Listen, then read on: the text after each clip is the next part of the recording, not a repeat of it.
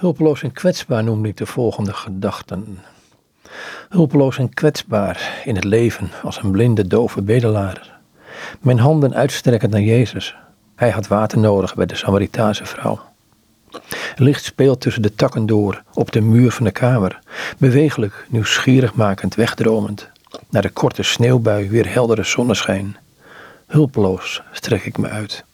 Het leven lijkt zo zinloos, mij bezighoudend tot de dood en dan onder ogen zien dat diezelfde dood door Jezus overwonnen is. Nu reeds is Hij mijn leven. Nu reeds leef ik omdat Hij leeft. Nu reeds zie ik door zijn gezichtsvermogen het hart raakt de essentie die voor de ogen verborgen bleef.